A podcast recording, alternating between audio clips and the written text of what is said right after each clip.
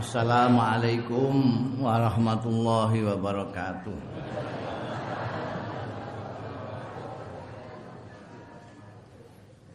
Senajan pun akhir tapi tesih Syawal. Terutama sing dereng panggih kula. Kula ngaturaken sugeng riyadi. Idun Said a'adahullah alaikum bisa'adati wal khairi wal rafahiyah. Wa kullu amin wa antum bi khair. Mugi-mugi amal ibadah kita khususnya amal ibadah wonten bulan Ramadan dipun tampi dening Allah taala. Dosa-dosa lan kesalahan-kesalahan kita di ngapunten dening Allah Subhanahu wa taala. Kula niki sing penggaweane guneman. Bahasa Jawane cangkeman Ini mesti kathah sawahe kalih jenengan.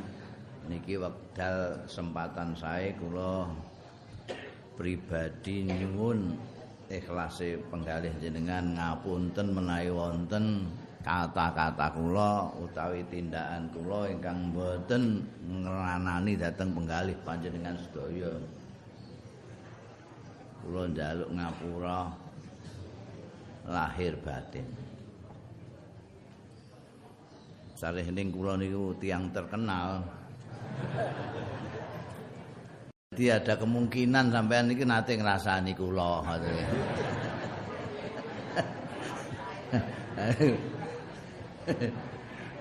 Sampai ngrasani apik cek elek niku tenang mawon jenengan. Mergo kula pun janji kali awak kula dhewe nek ana dulur kanca kok nyalai aku tak ngapura mulai ndekne nyalai aku. Sampeyan mulai nyalai aku ngrasani kula langsung pun kula ngapura. Hmm. Mulane rasah ngrasani wong ngrasani kula mawon. Sampeyan ngrasani wong iku dosa. Ngrasani kula pun kula ngapura. Dadi enak pokoke. Sampeyan ngrasani muntek ngamek mboten apa-apa. Wong kula mboten krungu mawon. Alhamdulillah kula jenengan sedaya niki mpun katam Quran. Cara teorine sampeyan pun paham Quran. Nek ora paham sampai nak ngacung, dereng paham. Nah, ngoten. Gak tahu tumon aku ana sing ngacung kurang paham. Kabeh mantuk-mantuk. Mbah mantuk-mantuk ngantuk mbah pokoke Bang. Dadi menurut teori jenengan iki pun paham Quran. Dadi karek ngamalnone. Wani sing ngabot niku ngamalnone niku. nek macane Quran wis sameh kabeh wong Islam maca Quran minimal nek wulan Ramadan paham Quran mungkin ya akeh sing wis paham terutama sing wis ngaji tafsir Quran sing ketoke isih warang-arang niku sing ngamalno Quran padahal jarene Quran menika pedomane wong Islam. Pedoman iku tegese perilaku omongan sak tindak tanduk dicocoknone karo Quran. Cocok Quran apik gak cocok elek. Wong muni pedoman kok. Ngoten. Tapi sampean tingali niku wong-wong Islam niku. Kathah sing munine tok berpedoman Al-Qur'an tapi lakune ora terima ora melok Quran tapi bertentangan karo Quran. Lho nek ora nglakoni niku isih lumayan. Iki ora terima ora nglakoni, nglawan. Nauzubillah min dzalik. Jadi Quran ngongkon ngulon ndik ning ngetan. Nek Quran ngongkon kulon kula sampean tengok-tengok isih lumayan. ora melok ngulon tenguk-tenguk. Iki ora. Quran ngongkon ngulon kene ngetan.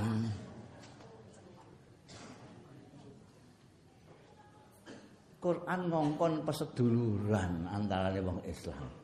Tukaran. Senengane tukaran karo dulur. Ini kira berlawanan. Innamal mu'minuna ikhwah. pas duluan. Quran ngongkon supaya aja kakean curiga karo dulure. Awake dhewe curiga ameh angger wong. Quran nglarang ngrasani wong. Niki dina sakniki sampeyan dhewe ngrasani wong babane wong wedok-wedok. Padahal ning gone makom pengajian. Bayangno ning pasar. Bayangno ning terminal. Bayangno ning pawon. Ning majelis pengajian ning ngrasani wong. Nemen niku. Padahal Quran nyebutake wala yaghtab ba'dukum ba'd. Ngrasani wong padha karo mangan batange dulure dhewe. Oh, gak jijik piye.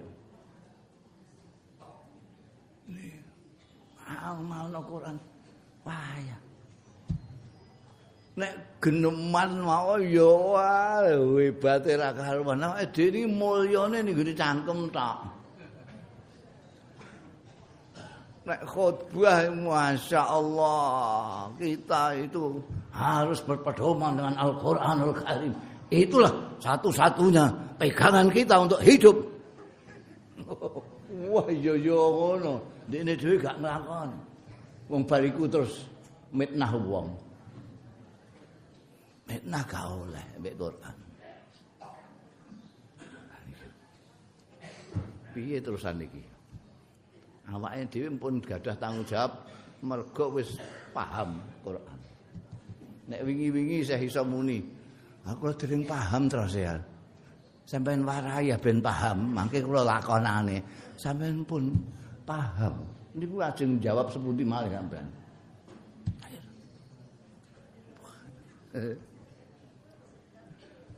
untunge untunge mbah cilakane niki. Untunge niku wonten hadis ndawuhake dawuhe Anjing Rasul sallallahu alaihi wasallam. Nalika niku ndawuhi sahabat-sahabat zaman 15 abad yang lalu Kanjeng Nabi ndawuhi tiang-tiang. Niki sahabat-sahabat Kanjeng Nabi dawuh. Innakum fi zamanin man taraka fihi usura ma umira bihi. Halak. Medeni wong. Jaman dia kanjeng nabi ngendika iki awakmu kabeh iki urip ning zaman. Di mana kalau ada yang meninggalkan sepuluh sepel sepuluh saja. Sepuluh sepuluh itu sepuluh persen sepuluh persen saja dari yang diperintahkan. Berbalik ini malih. Awakmu kabeh iki urip ning zaman di mana? Nek ana wong sing ninggalno sepel sepuluh sing diperintahno Gusti Allah. Binasa rusak ilaka sepersepuluh saja. Kalian hidup di zaman di mana kalau ada yang sampai meninggalkan apa yang diperintahkan oleh Allah seper sepuluh saja maka binasa dia celaka dia. Wa sayati zamanun man amila fihi usura ma umira bihi naja.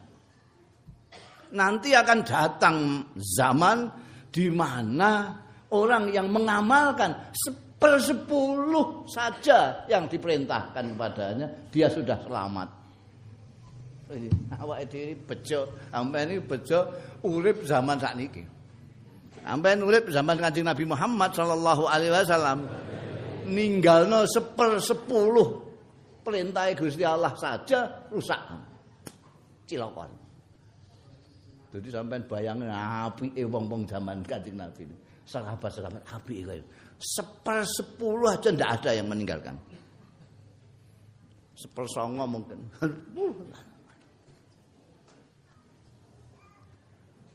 awake dhewe ini sakniki pun untuk keringanan. Ngamalno sepersepuluh wae sing diperintahno Gusti Allah selamat. Sepersepuluh wae kok ora. Sebar duit ndok engko temaman. Niku biyen niku, jaman tesih ditunggoni Kanjeng Nabi kok ngantek ninggalno sepersepuluh saja yang diperintahkan Iku zaman Kanjeng Nabi Muhammad sallallahu alaihi wasallam. Wong meneng kabeh. Ana wong nglakoni sesuatu perbuatan. Kok kabeh wong meneng? Berarti perbuatan iku oleh gak apa-apa. Wong ngomong sesuatu kabeh meneng, berarti omongan iku ora salah. Mulane terus wonten namine ijma sukuti. Artine wong-wong nek meneng kabeh berarti itu ora apa-apa. Niku biyen. Sakniki mboten wonten ijma sukuti. Wong nyolong barang ya do meneng kabeh. Roh iku meneng kabeh. Jadi ra kena diku standar menenge wong niku. Biyen standar. Wong meneng tandane iku ora apa-apa. Mergo ora ana perbuatan elek satu pun yang tidak Ono sing eh enggak bener iku. Mesti ngoten. Ramalane Kanjeng Nabi niku saestu. Wonten riwayat Imam Ahmad menawa Musnad Imam Ahmad ngendika Kanjeng Nabi Muhammad sallallahu alaihi wasallam saya ti zaman qalilun ulama'u kathirun khutoba'u biyen zamane Kanjeng Nabi Muhammad sallallahu alaihi wasallam sing akeh ulamae sing akeh ulama sing tukang pidato suwitik ameh gak ono. Gak ono. Sing pidato paling Kanjeng Nabi Muhammad sallallahu alaihi wasallam kabat Abu Bakar mau narang-narang kabat Umar ramalane kanjeng engko bakal teko zaman di mana ulama sithik sing tukang pidato ni wakih banget. Lah sak niki pun anu ramalane kanjeng Nabi. Wah sak niki sampeyan golek kiai angel, tapi golekno ustaz tukang pidato wah sak abrek sampean. Ora mok ning podium-podium tok ning TV pihak-pihak. Saben wong iso dadi tukang pidato. pun ngoten niku sampean iso nglakoni perintah Gusti Allah 10% e mawon. Sip. Pun selamat. Iku sampean bolak-balik ngrungokno pidato apik-apik guneman sing mulya-mulya tapi arang-arang roh. Laku-laku sing mulya-mulya. Sing apik sing akeh wong gendang ulama niku sing ngamalno ilmune ora sing ngomongno ilmune tak ngomongno ilmune niku bintang film niku sakniki saged. Dadi ustaz sampeyan mboten ngerti sampeyan. Kuatah niku artis-artis sing dadi mergo gampang ngomong niku gampang mboten usah latihan kula niku pinter pidato ora latihan blas Mbah keturunan mbah piye ngono. Sama kula niku wong soalé rong tahun durung iso mlaku tapi iso geneman kok kula niku. Kula niku pantaran kula kalih kula niku. Wis iso mlayu ning ndi durung iso geneman. Kakak misan kula niku alhamdulillah Pak Faisal niku anake adike Pak Fakih. Niku pantaran kula. Ya ampun mlayu tengah turu. Wes. tapi gak iso geneman. Nah, kula diseret-seret. Mula niku mun geneman. Lho kasal. Aku iku durung iso mlaku kok mbok garet-garet ngono.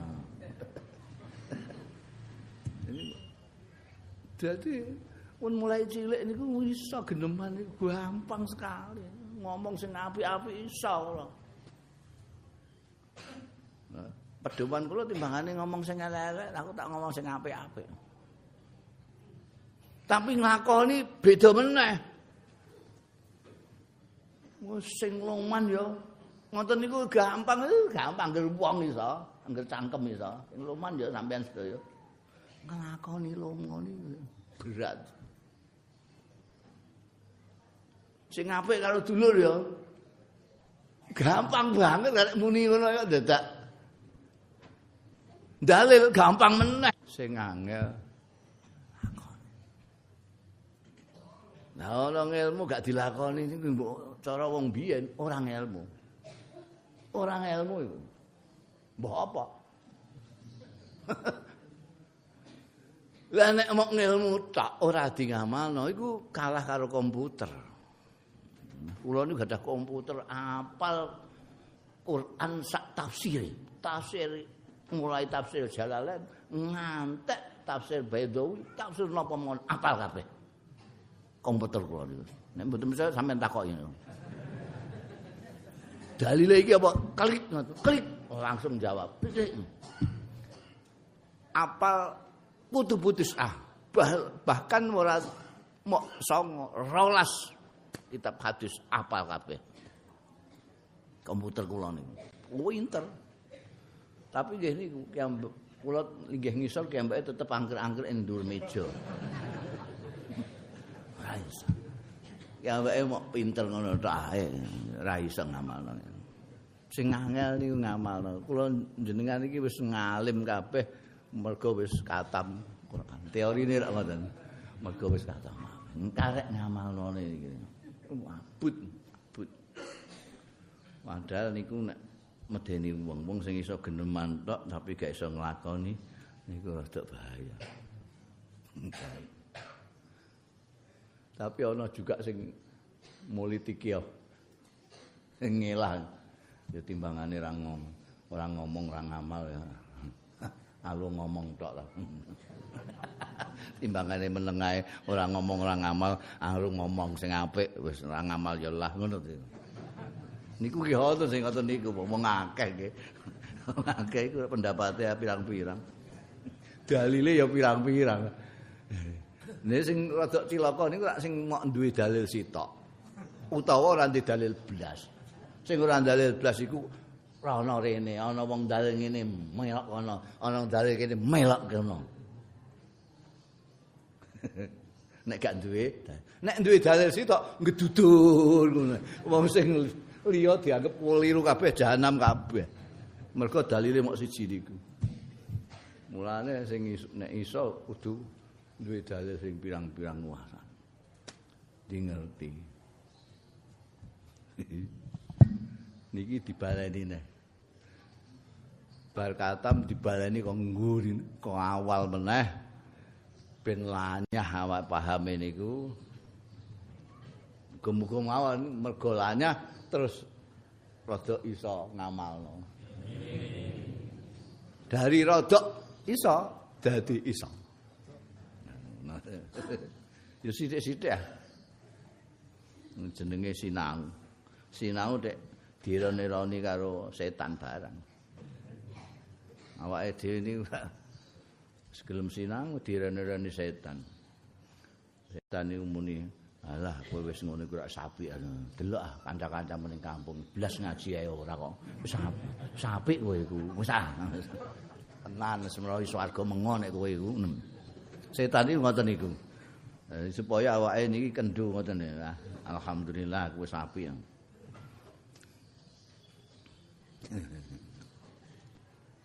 Kita ngawali malih kanthi niat nggih. niat ngaji kepengin memahami dawuhe Kanjeng Rasul sing saka Gusti Allah taala menika firman-firmane Allah Al-Qur'an Nabi Mustafa sallallahu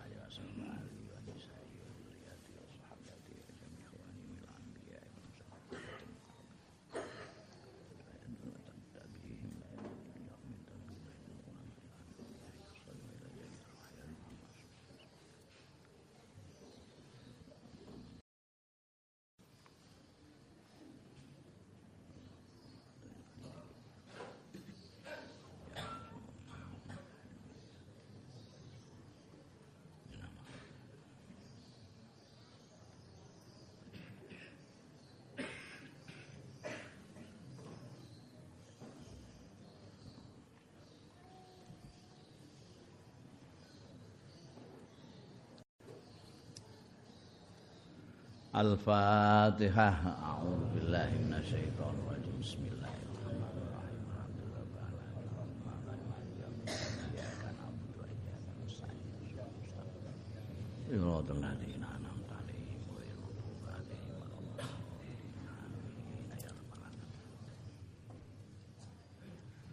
Qala Allah Ta'ala wa huwa asdaqul qailin a'udzu billahi rajim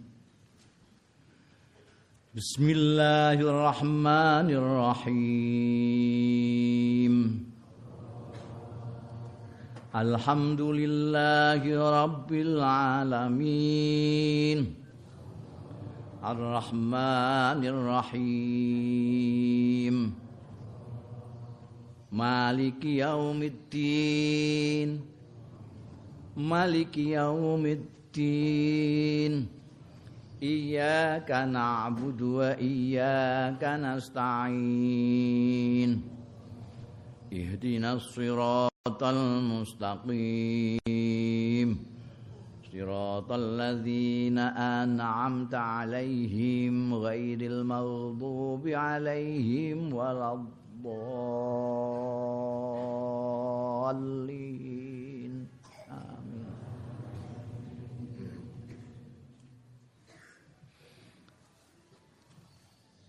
Surat Fatihah menika tumurunipun wonten Mekah. nami sing terkenal mulai zaman Kanjeng Rasul sallallahu alaihi wasallam nggih Al-Fatihah. Bahasa Indonesia ini pembuka. Al-Fatihah. Sing buka. Wonten ugi namine Ummul Kitab. Wonten sing ngarani malih Ummul Quran. Mergo induknya Quran disebut Ummul Quran mergo induknya. Ummul kitab mergo induknya kitab-kitab sangka langit niku Al-Fatihah niki. Ana sing nyebut Sab'ul Masani. Pitu sing diulang-ulang. Diulang-ulang pertama mergo pitung ayat niki disepakati Al-Fatihah niku pitung ayat, ayate pitung. Diulang-ulang teng sembayang niku ping pinten niku? Pitulas kali setiap hari.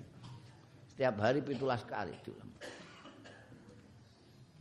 Tapi nggih mboten niku tok, mergo mangke niku tenggene ayat-ayat teng surat-surat saknese Al-Fatihah niku diulang-ulang pemahaman isine Al-Fatihah niku.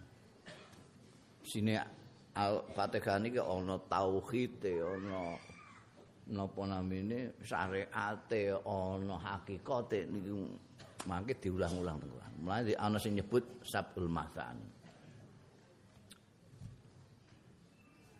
Senajan kabeh sepakat nek ayate ana pitu. Nanging tengene salat niku lena-lena mazhab niku. Ana sing diwaca kabeh banter nek banter diwaca kabeh bismillahirrahmanirrahim sampai waladhdallin. Ana sing diwaca lon-lon alhamdulillah kayak banter. Ana sing ora diwaca bismillah meneh. Langsung alhamdulillahirabbil alamin. Sampai rasa gawok wong akeh. Ini macam-macam Kanjeng Nabi Muhammad sallallahu alaihi wasallam menika gadah murid namine sekabat-sekabat niku kuatah. Ana sing tetep ning gone Madinah terus ya ana, ana sing kemudian pindah teng Sam, ana sing pindah teng Irak, ana sing pindah teng pundi-pundi nalika Ana sing krungu saka Kanjeng Nabi Muhammad sallallahu alaihi wasallam midhangetake.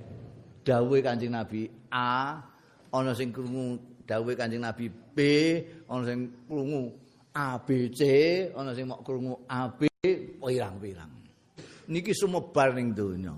Duwe santri namine tabiin. Tabiin dikandani Gus Kanjeng Nabi mbiyen tau ngendika ngene, mergo beliaunya mendengar sendiri.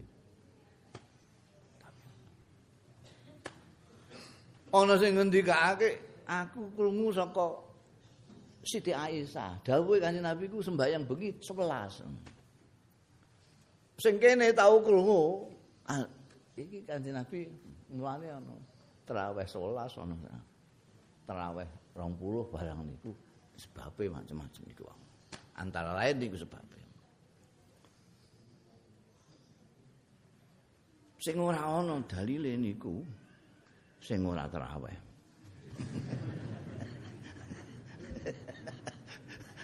Raweh 11 ta 20 niku ana dalile. Maca bismillah banter, maca bismillah lon ana dalile. Bismillah kelawan keluhurane Allah, kelawan berkah Gusti Allah, kelawan asmane Gusti Allah. Ar-Rahmani kang maha welas asih marang seluruh makhluknya. Ar-Rahimi kang welas asih kanggo wong-wong sing taat karo Gusti Allah. Ya wonten istilah saking rahmat niku maknane welas alih. Rahmat niku welas asih. Nek awake dhewe njaluk rahmat niku artine njaluk welas asih Gusti. Nek sampean kon ngomong uluk salam kalih kanca jenengan assalamualaikum warahmatullahi wabarakatuh. Tegese sampean di antara lain nyuwunake sederek sampean sing sampean salami niku sampean suwunake welas asihe Gusti. Nek sampean maca selawat sepisan Gusti Allah ngrahmati ping 10 tegese sampean nek maca selawat sepisan niku diwelas asi ping 10 dening Gusti Allah taala. Rahmat niku maknane Tapi saking rahmat menika ana sipate sing rahmati menika sebutane Ar-Rahman, ana sing Ar-Rahim. Gusti Allah sedaya menika. Gusti Allah niku nggih Ar-Rahman, nggih Ar-Rahim. Gusti Allah itu di samping melasi seluruh umat, seluruh makhluk. Buktine wong korupsi barang ya segel kuarasan ngono.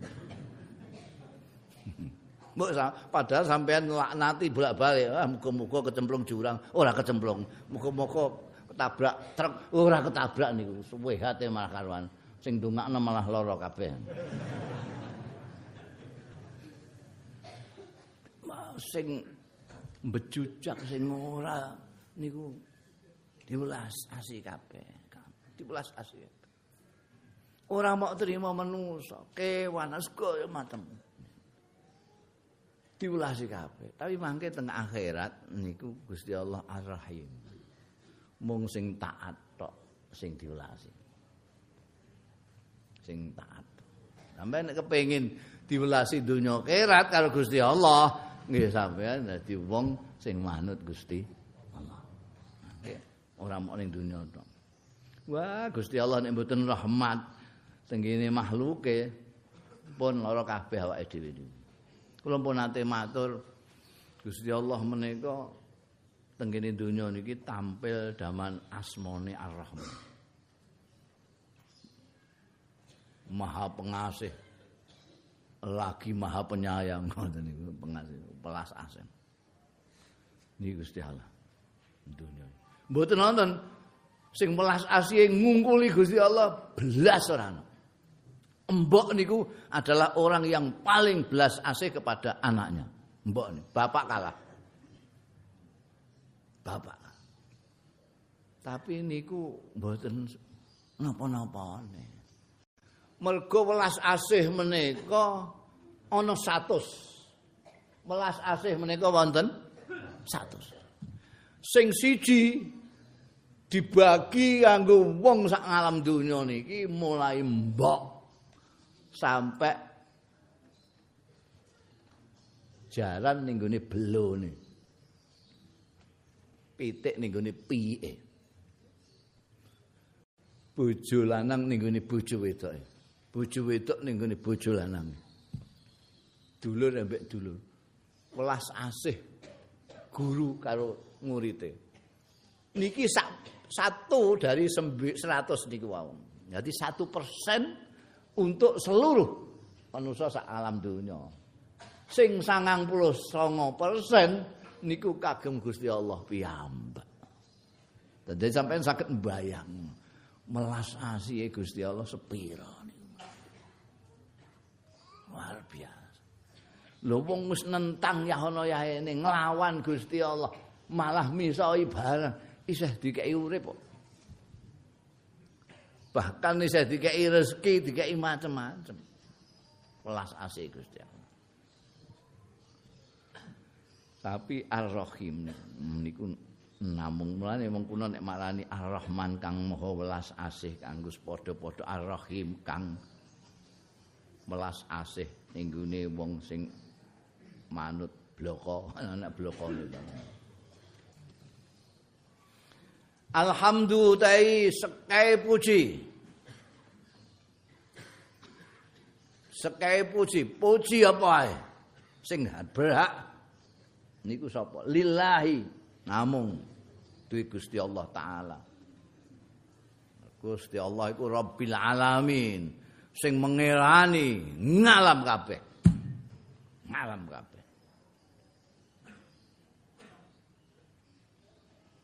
dadi mboten wonten ngalembono sing sak nyatane niku ora ana kejaba kanggo Gusti sampeyan nurut sampeyan sampeyan lara suntik dokter mari Sampeyan terima kasih karo dokter. Tapi ora eling Gusti Allah. Niku sampeyan kuwalik niku.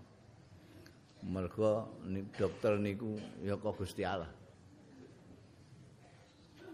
Kowe matur nuwun karo Pak Tani, mergo sampeyan dikeki beras, dikeki gabah, dikeki sego. Tapi juga kudu eling yang maringi pari Gusti Allah. Betul ya. sampean bojo sampean ayu sampean lem niku ayu kok sapa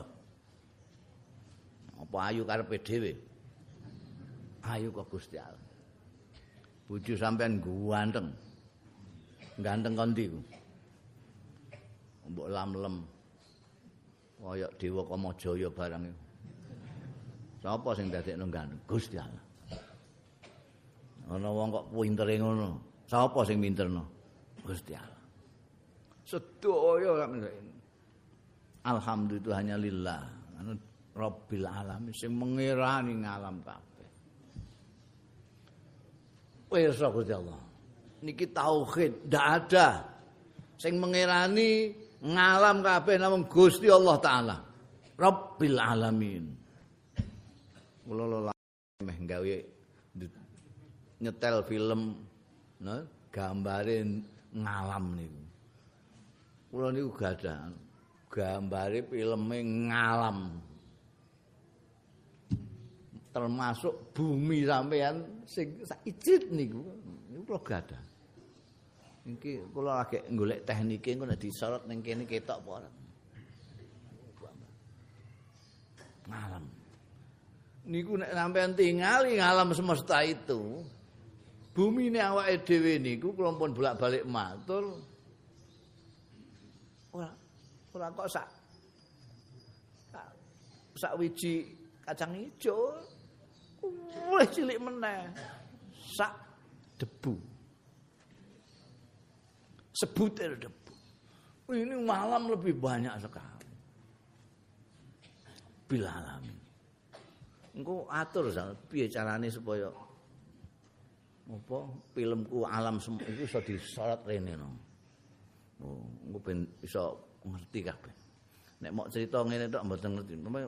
Allah dhewe sampean niku cilike sepira niku.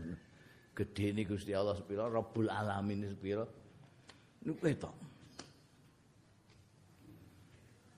Ar-Rahman Ar-Rahim. Niki Fatihah niki ndidik awake dhewe. ngajari awake dhewe, mulang awake dhewe dadi manusa, dadi kawulane Gusti Allah taala. Pertama, sekali kita akan melakukan sesuatu, jolali bismillahirrahmanirrahim. Bismillahirrahmanirrahim. Mergo napa-napa niku nek ora mergo Gusti Allah ora iso kasil. Utawa kasil ora iso berkah. Bismillahirrahmanirrahim. Ojo ngantek lali terutama nek berbuat hal-hal yang baik-baik. Mulai ngunjuk dahar apa saja jolali maca bismillahirrahmanirrahim. Karo diresapi maknane bismillahirrahmanirrahim. Supaya keberkahan melas asihe Gusti Allah taala. sakniki kathah wong Islam niku mbah tau maca bismillahirrahmanirrahim mbah ora. Tapi nek ndelok kelakuane iku kok ora duwe welas asih ketoke ya mok maca-maca tok. Ora diresapi. kawulane zat sing melasi seluruh alam di dunia ini. Sing ning akhirat urusane Gusti Allah nanti. Sing ning alam dunia iki merahmati. Tapi saat ini kan kata hati Islam ini, kita kudu gejik wong liya terus saya. Kayak gregeten terus saya. Gregeten itu apa? Wong ora melok duwe blas. Ora melok duwe. Wong sing Rabbul Alamin Gusti Allah no. Sing nitahake Gusti Allah taala. Ndek ini kok gregeten niku lha apa? Wong kok ayune gregeten aku. Lho. Wong ayu-ayune dhewe kok gregeten. Lho ora bojone elek sih. Lho kok elek-elek dhewe. Lha kok gregeten karepe dhewe. Ana wong ayu bojone elek. Lha kok gregeten? Sing mbok gregeti kuwi sapa? Sing ayu ya Gusti Allah sing gawe, sing elek ya Gusti Allah sing gawe. Lah kok kowe gregeten iku urun apa kowe?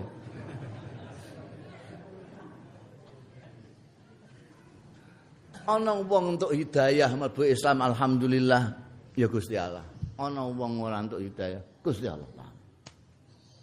Kowe kok malah gregeten apa? Nek kowe kepengin ngejak ndekne untuk hidayah, ajaan sing apik. Gusti Allah niku mulang awake dhewe apik banget kok.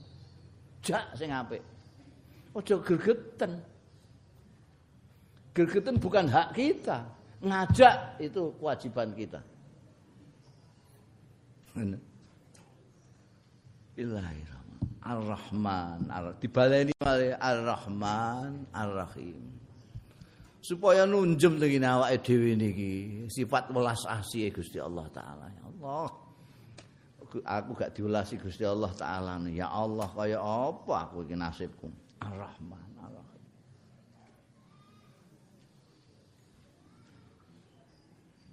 Maliki yaumiddin.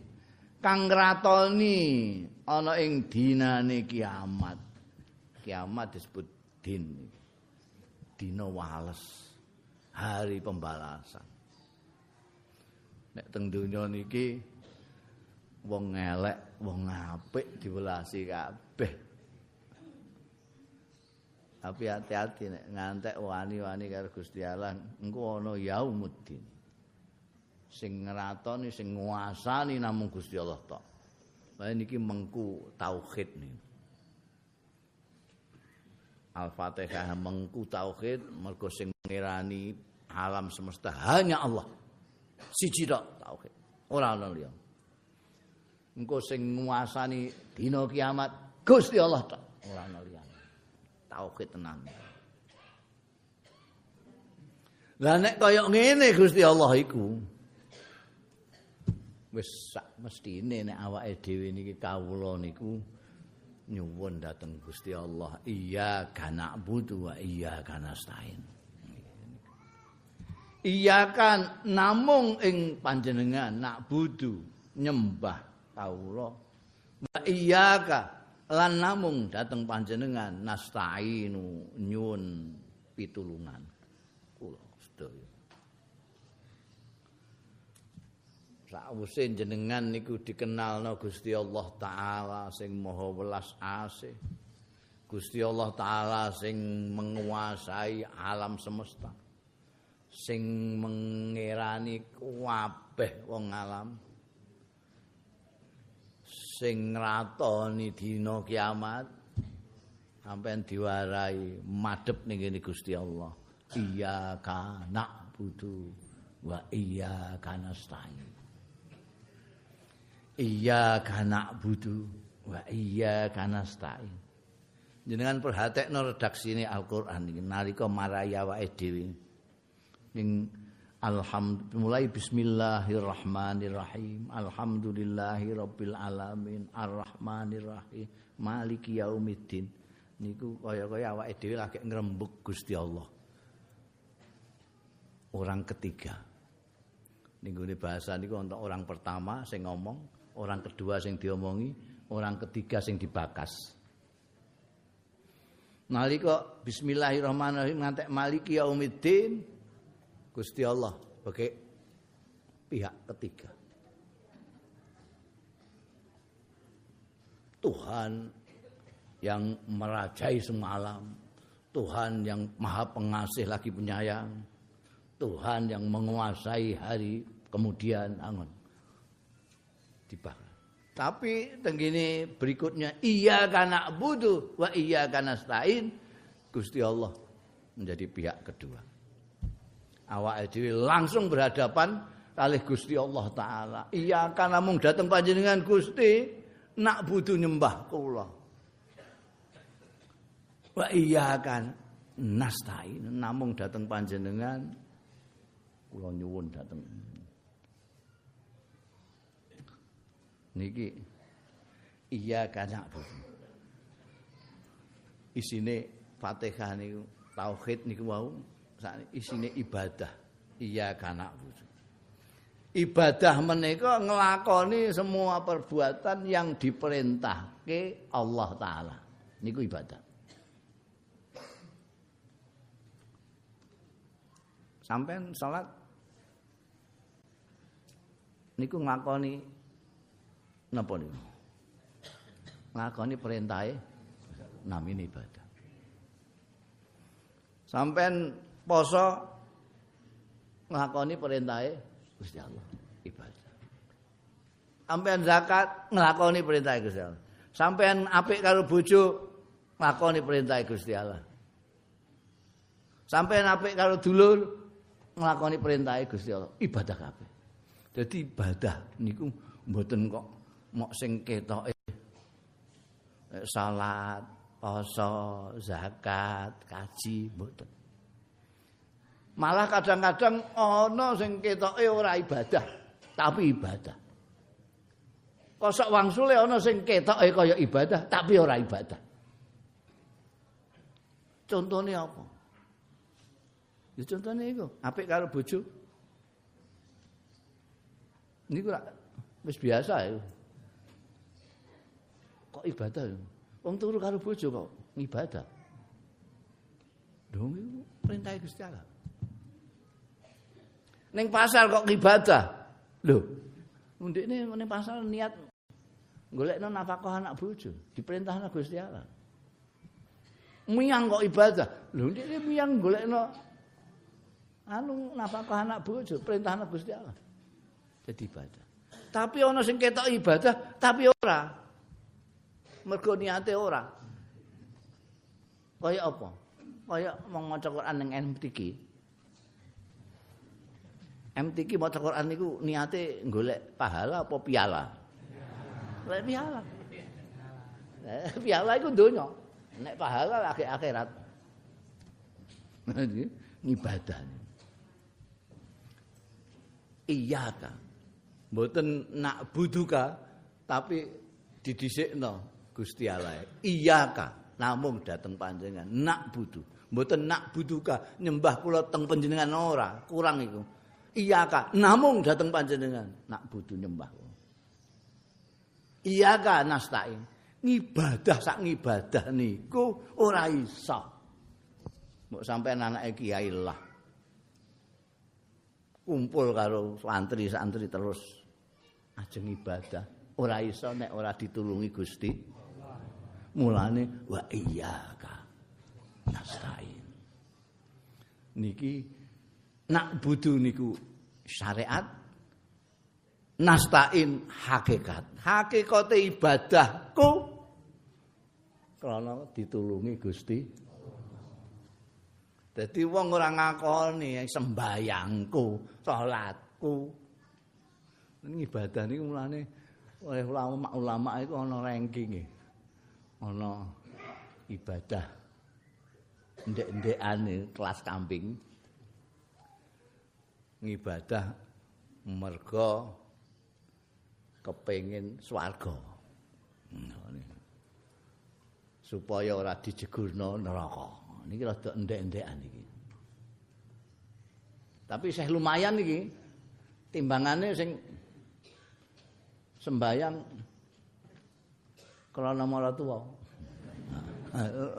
Niku ora masuk hitungan niku, ora masuk hitungan. Yang nomor tua sembahyang nek ora ora. Niku ora masuk hitungan.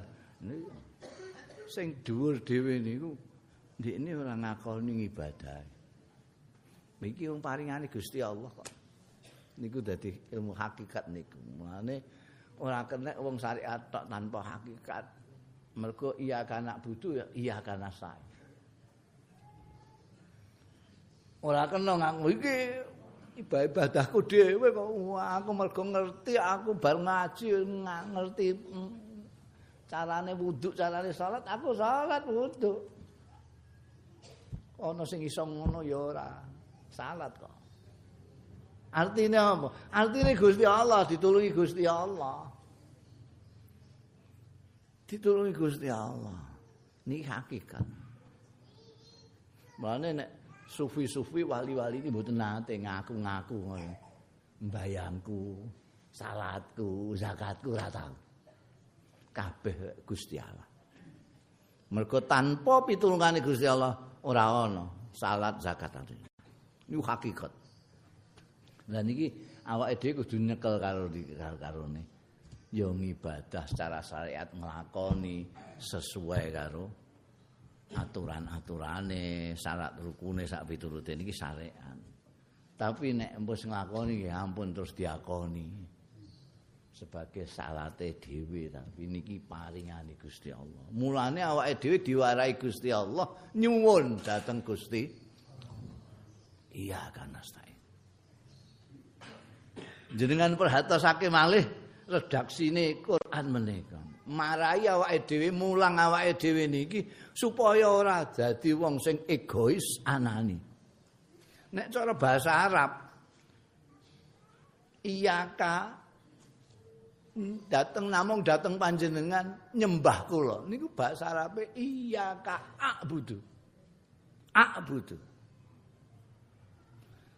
Namung dateng panjenengan kula nyuwun iyaka astain.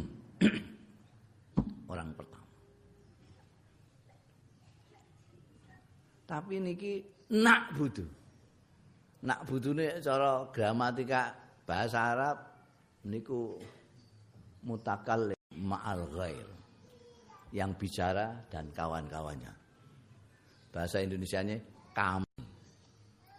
Kami atau kita. Tidak aku. Nek aku mutakallim wahid. Sampai nek sembayang maca ping 17 niki. Niku sampean mboten njaluk kanggo awak jenengan piyambak. Tapi njalukno kabeh CS sampean. Mergo jenengan gunakake nastain ngangge nun, bukan astain. Nggo ngelingno awake dhewe nek awake dhewe iki ora urip dhewe. Tapi ambek kanca-kanca, ambek dulur-dulur. Jamaah niku dipentingno banget tengene Islam menika. Ngantek diwarai jamaah lima kali sehari. Seminggu sekali lebih besar. Setahun sekali lebih besar lagi. Biar niku masjid pirang-pirang teng Madinah niku tapi nek Jumat tenggene masjid Nabawi. Teng Rembang niki biyen nggih masjid kata tapi nek Jumatan ning masjid Jamek masjid kabupaten nguri-nguri niki wong-wong tambah ora genah. Roh gak cocok karo imame ngono terus gawe masjid dhewe. Akhire masjid pating telecek dinggo Jumatan kabeh terus ana masalah sing sah sing endi. Weker genjik gak karu-karuan gara-gara kelakuane wong-wong. Mergo ora tujuane. Tujuane niku ana masjid-masjid sing kanggo itikaf tok, kanggo jamaah salat fardu tok, masjid niku. Masjid di desa atau masjid kecamatan lah paling ngono. Iku nggo jemaah fardu, nggo jemaah nggo itikaf. Nek sembahyang Jumat luwih gede. Nek bodoh mergo sing gak biasa salat bareng ya melok salat. Niku ditambahi lapangan. Tinggo gegeran. sing apik lapangan apa masjid. Mergo ora paham tujuane. Ana kok sing gede banget ning ngene lapangan tok. Gak cukup masjid. Niku teng Arafah mang. Niku pertemuan masal secara internasional. wong Islam dinti mall dadi siji niki ukhuwah Islamiyah niku luar biasa tuntunan ini berjamaah.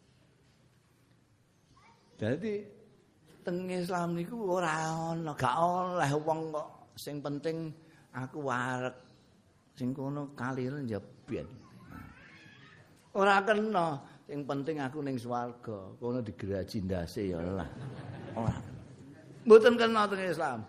Bersama-sama. Iya kah nak butuh.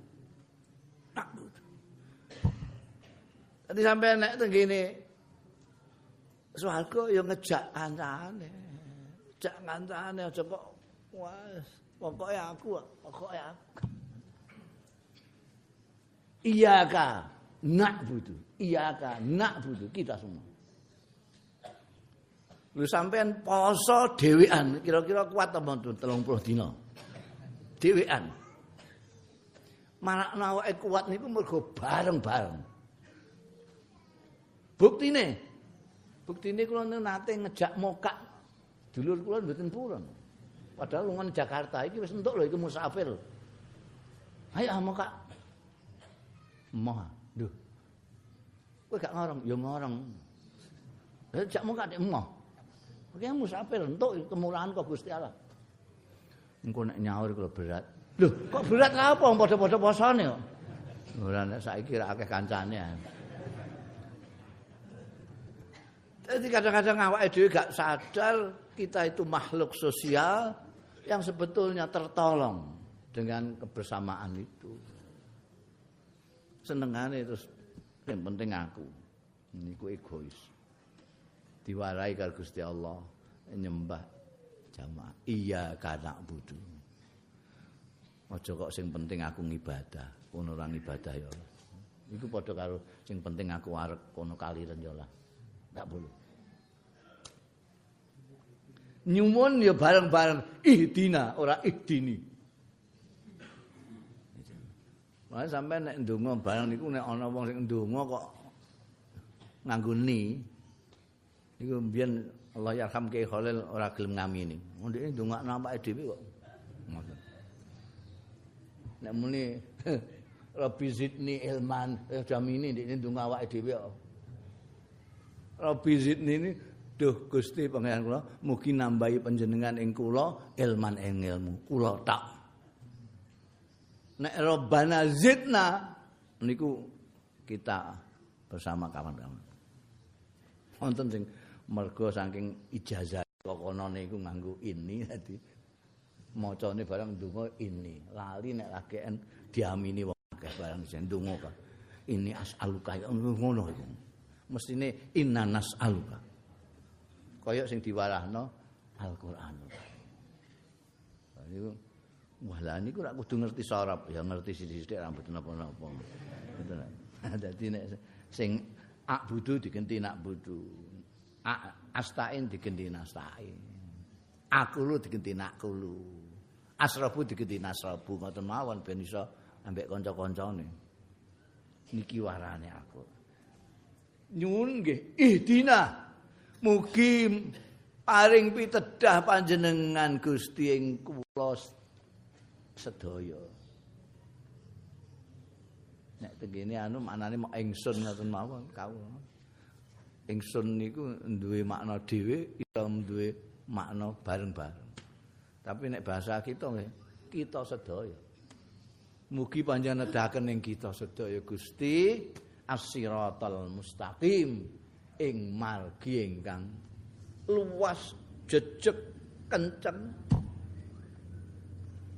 Siratal ladzina an'amta alaihim inggih menika marginipun tiang-tiang ingkang sampun paring nikmat panjenengan alaihim ing tiang-tiang wau alladzina ghairul mahdubi sakliyane tiang-tiang ingkang al mahdubi alaihim ingkang dipun bendoni apa alaihim tiang-tiang wong.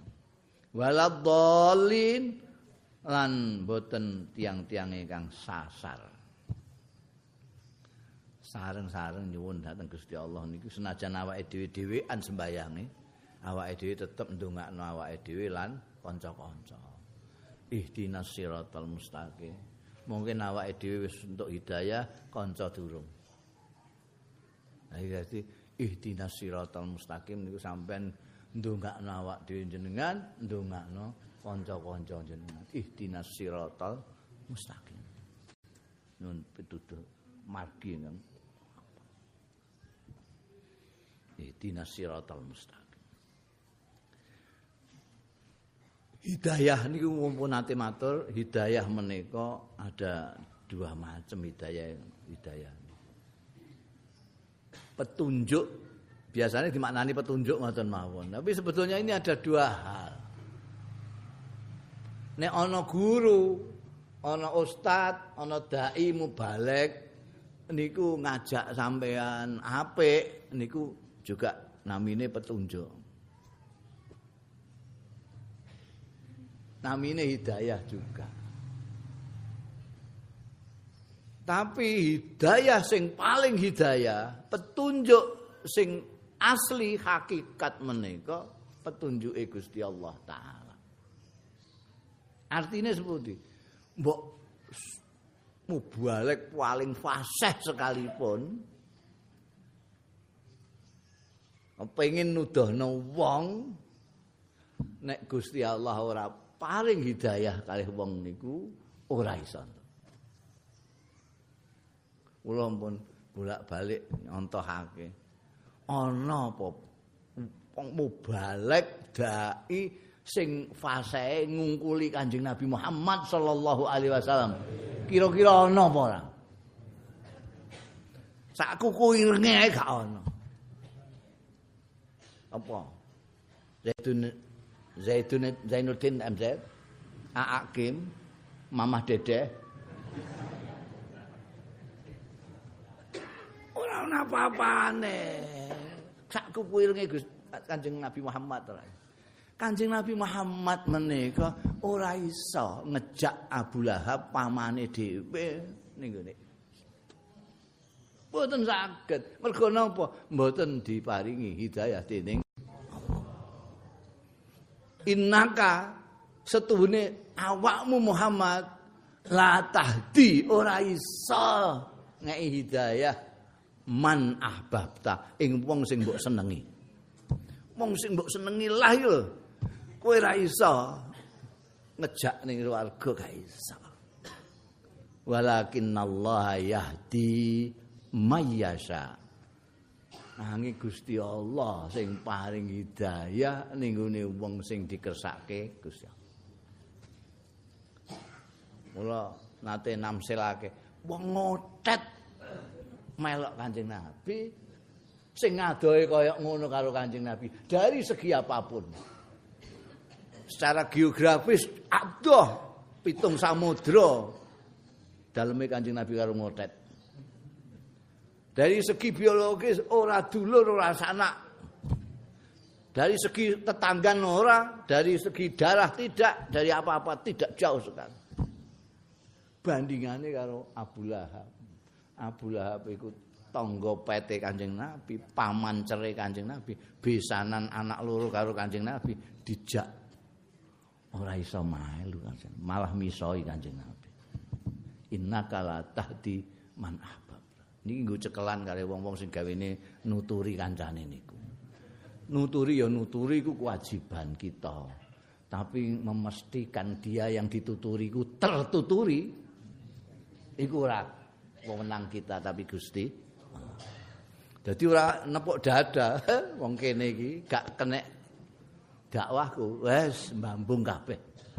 Walah gayamu jajal kono kandhani Abu Lahab.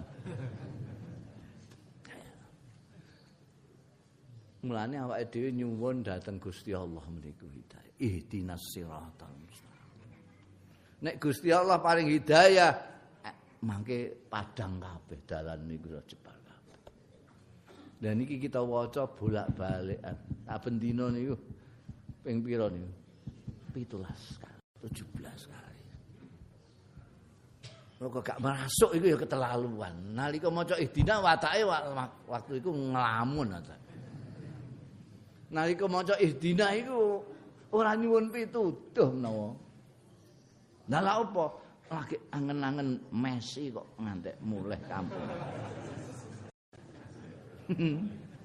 Iki siratal mustaqim kok kelingan Kang Mustaqim banget.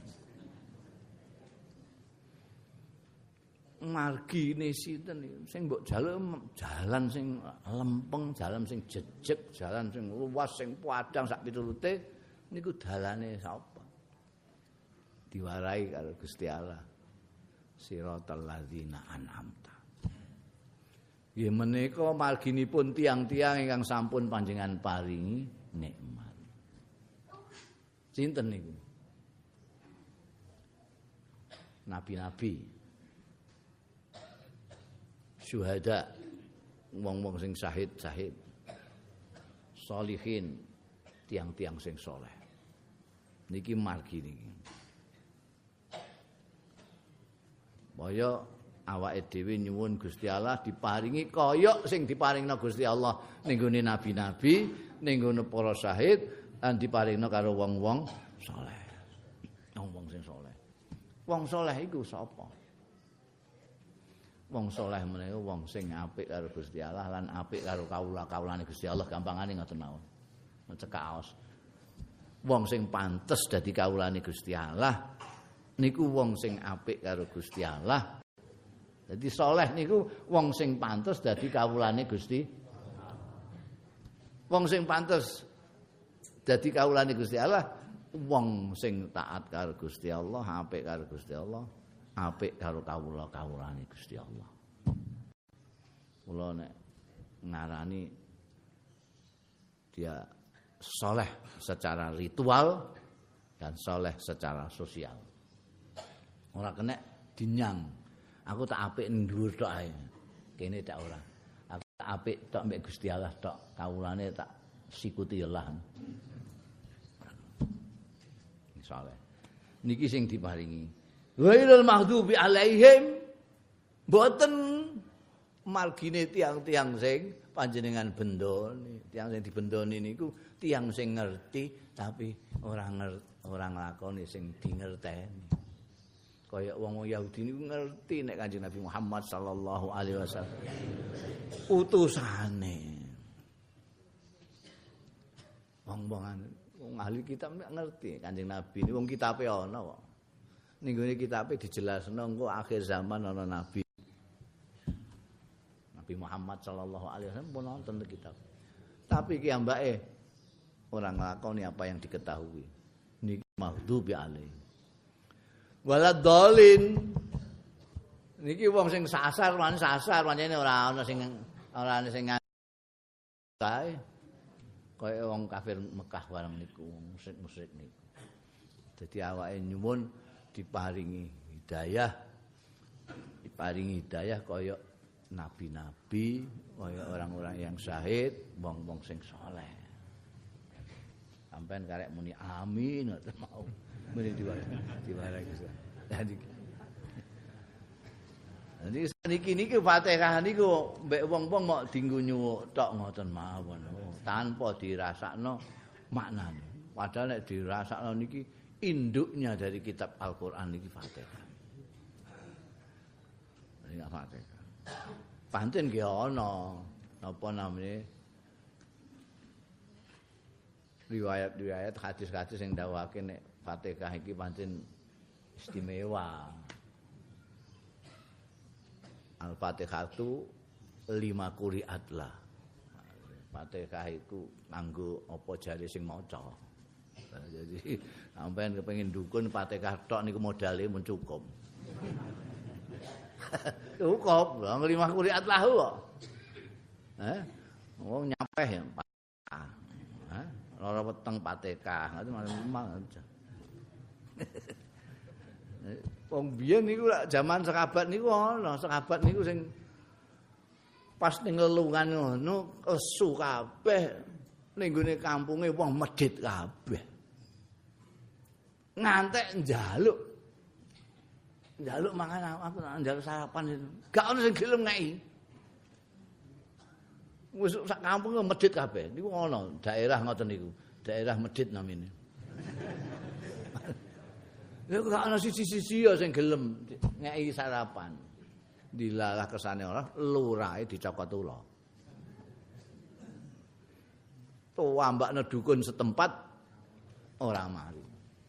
Terus ana sing duwe ide, iku mau ana wong musafir pirang-pirang mau. Mbok menawa duwe donga suwuk.